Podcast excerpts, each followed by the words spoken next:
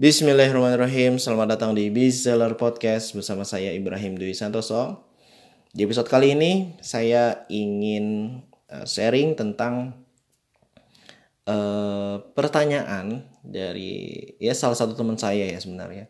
Jadi dia nanya Mas saya punya produk nih. Terus gimana ya mas Kalau misalnya saya pengen punya reseller gitu ya? Nah uh, mungkin ini pertanyaan bagi kawan-kawan yang punya produk ya atau lagi punya bisnis gitu kan. Terus pengen bisnisnya ini uh, salah satu saluran distribusinya lewat pasukan reseller. Nah jadi yang perlu teman-teman tahu reseller ini adalah bagian dari saluran distribusi produk ya. Karena ada macam-macam. Ada orang yang uh, jualan lewat retail gitu ya artinya uh, di dikasih ke toko-toko gitu kan atau lewat Alfamart Indomaret ada juga orang yang jualannya langsung online gitu kan dia langsung ke end user targetnya. Nah ada juga orang yang lewat pasukan reseller gitu ya. Jadi dia uh, membangun pasukan merekrut gitu kan. Dan ya udah jadi reseller inilah yang membantu menyebarkan uh, produknya menjual produknya. Nah terus bagaimana caranya kalau misalnya uh, kita mau buat pasukan reseller? Ya untuk awal-awalnya gimana nih? Nah Eh, gampang ya yang ingin saya sharingkan di episode kali ini ya.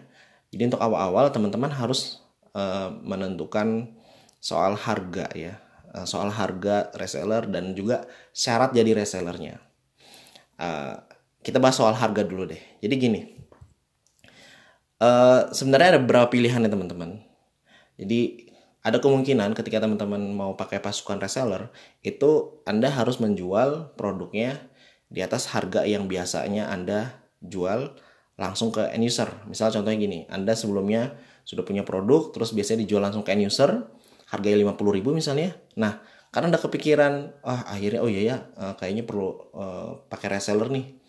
Akhirnya Anda, uh, karena Anda khawatir kalau langsung dikasih komisi kecil, untungnya langsung kecil gitu. Misalnya Anda anggaplah HPP-nya itu uh, 30 ribu. Jadi kalau misalnya tetap jual 50 ribu, terus reseller dikasih harga berapa misalnya?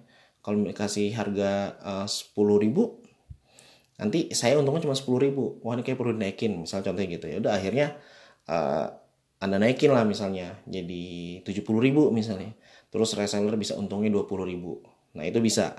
Jadi cara pertama anda bisa dengan cara menaikkan harga gitu ya. Jika sebelumnya anda uh, sudah pernah menjual produk tersebut ke end user. Nah ketika Anda menaikkan harga 20.000 itu, terus marginnya apa namanya HPP-nya tadi uh, anggaplah tadi berapa ya? 20.000 ya. Uh, ya 30.000 ya, anggaplah HPP 30.000. Ketika Anda menaikkan harganya jadi 70.000, terus reseller dapat komisinya keuntungan 20.000, Anda marginnya bisa dapat 20.000 gitu ya. Ya kan tadinya 5 uh, tadinya 50.000 kalau langsung ke end user dijual itu dapat untungnya 20.000 karena HPP-nya 30.000. Nah, karena Anda ingin menambah reseller akhirnya Anda naikin harganya jadi 70.000, jadi reseller dapat 20.000, Anda dapat eh, uh, 20.000 lagi ya. Ya udah gitu kan. Nah, itu bisa jadi kayak gitu. Tapi memang Anda harus menaikkan harga ya. Uh, konsekuensinya ya ya harus sama tuh harganya supaya reseller juga dapat untung dan bikin mereka akhirnya semangat untuk jualan terus kan. Nah gitu. Itu cara pertama. Nah cara kedua teman-teman bisa dengan cara e, memotong memang memotong keuntungan yang teman-teman dapatin misalnya e, tadi harga pasarannya memang 50 ribu nih anggaplah. Ya udah berarti karena pengen punya pasukan misalnya terus HPP-nya anggaplah tetap 30 ribu ya udah biarin deh punya uh, reseller biar seneng untungnya 15 ribu. Terus uh, anda misal anda anda untungnya lima ribu doang gitu ya. Ya udah nggak apa-apa kayak gitu misalnya. Itu nggak apa-apa juga ya. Tapi memang profitnya jadi uh, apa sedikit gitu. Tapi harga nggak naik kan ya. Jadi apa namanya ibaratnya masih sama lah ya sama kompetitor misalnya. Nah itu juga nggak masalah. Nah itu soal harga teman-teman. Jadi dalam penentuan harga memang uh, baiknya di awal dari awal anda sudah nentuin apakah produk ini mau pakai reseller atau enggak gitu ya kalau mau pakai reseller berarti itu sudah harus menyiapkan margin yang uh, yang besar gitu, yang tebal gitu ya. Supaya ketika sudah terlanjur launching misalnya uh, jangan apa jangan ada kenaikan harga gitu. Atau memang dari awal anda sudah rencana pakai reseller juga juga lebih bagus ya. Jadi udah tahu oke okay, karena jadi pakai reseller reseller dapatnya sekian berarti saya harus uh, apa meng up harganya dari HPP ke penjualan end usernya sekian harga gitu ya sehingga anda marginnya juga tetap dapat gede misalnya. Itu juga nggak masalah gitu. Pokoknya semua cara bisa dilakukan. Oke jadi soal penentuan harga uh, ketika anda mau punya produk terus mau dijual pakai reseller anda perlu dihitung dulu nih. Nah terus soal bener salahnya ya nggak ada yang bener nggak ada yang salah gitu ya.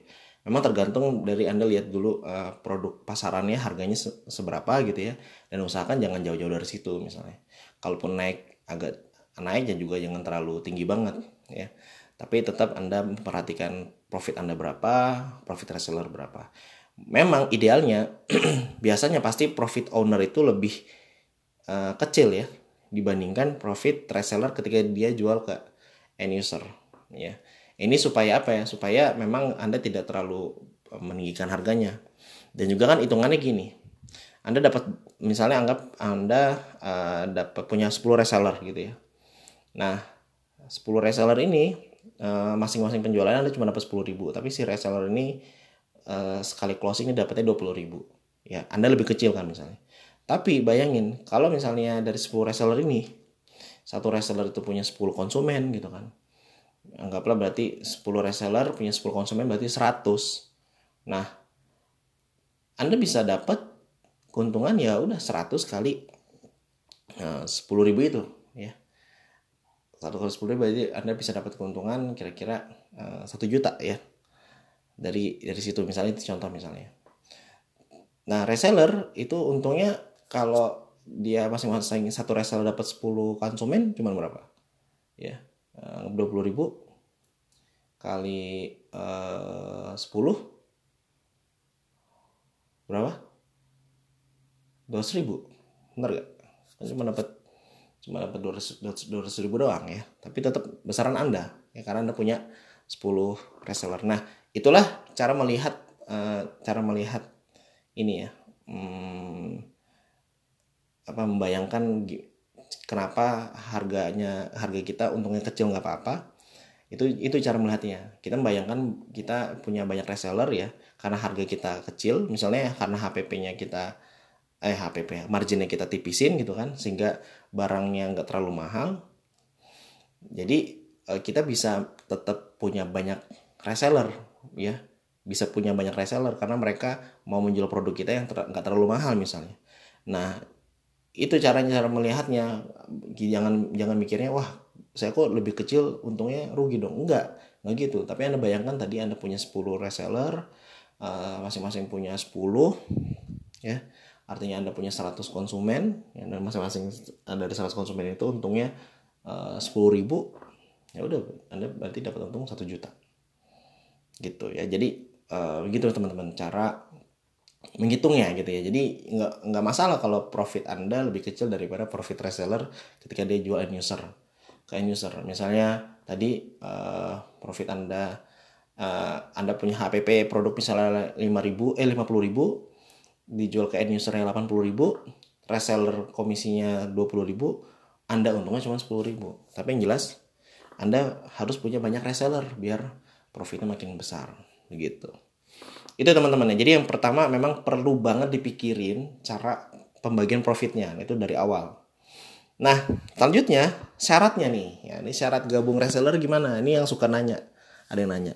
Sebenarnya syarat gabung reseller itu bebas ya teman-teman ada syarat ini jadi anda tergantung apakah anda mau mengambil profit eh, atau mau mengambil keuntungan ketika orang gabung jadi reseller atau anda fokusnya pengen punya banyak sebanyak-banyaknya reseller Nah, untuk awal-awal saran saya uh, targetin aja supaya gimana caranya punya banyak reseller. Ini saran saya pribadi. Tapi kalau teman-teman nggak ngikutin nggak apa-apa. Artinya Anda permudah aja saran syarat res reseller ya. Bahkan gratis misalnya. Misalnya ini Anda buka uh, teman-teman saya mau uh, apa membuka peluang reseller nih.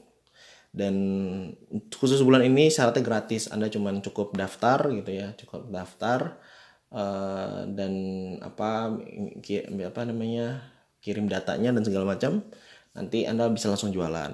Akan tetapi misalnya akan tetapi uh, dalam sebulan anda harus menjual sebanyak uh, 20 piece misalnya nah ya udah berarti nggak apa-apa anda berarti anda masif aja tuh rekrut ya kan gratis kan tinggal selama satu bulan ke depan gimana caranya mereka ini harus tembus target penjualan tadi minimal 20 piece. Nah, itu kan akan kelihatan. Atau Mas, saya nggak mau deh di target nggak apa-apa deh, saya gratis biarin deh. Ya nggak apa-apa juga gitu ya. Tapi memang nggak bisa semuanya orang, orang Anda gratisin jadi reseller kan? Karena kan nanti bisa jadi Anda malah nggak nggak dapat pembelinya gitu ya. Bisa jadi misalnya Anda punya kenalan langsung dapat jadi reseller ya terus kapan jualinnya gitu. Eh, walaupun nanti bisa jadi si konsum eh, apa si reseller ini dapat konsumen itu nggak nggak apa-apa juga ya pokoknya itu semua pilihan ya teman-teman jadi yang pertama syarat pertama eh, nggak apa-apa kalau anda apa namanya kalau anda ini jualnya apa membuka reseller ya tanpa syarat jadi tanpa beli itu boleh. Ya intinya adalah gimana caranya bisa ada banyak orang jadi reseller anda terus akhirnya mereka mencari uh, apa pembeli ya. Itu bisa juga.